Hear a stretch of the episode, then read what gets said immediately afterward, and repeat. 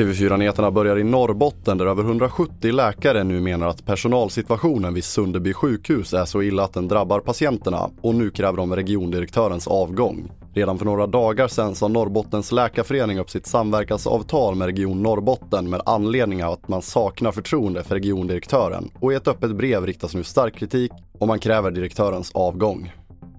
Om hastigheten sänks till 30 km i timmen på platser där både bilar och cyklar körs så minskar olycksrisken med 40% Det visar nya krocktester Folksam har gjort. Det som testats är en korsningsolycka där cyklisten blir påkörd i sidan i 40 km i timmen och en landsvägsolycka där cyklisten blir påkörd bakifrån i 70 km i timmen. Varje år dör 15 cyklister efter krock med motorfordon och över 100 skadas. Trots att cyklisten har haft eh, en cykelhjälm på sig så har man fått allvarliga huvudskador. Men samtidigt så är det såklart att resten av kroppen blir skadad också. Om vi skulle sänka hastigheten till 30 då skulle vi få en 40% reduktion av skadorna. Sa Helena Stigson, trafikforskare.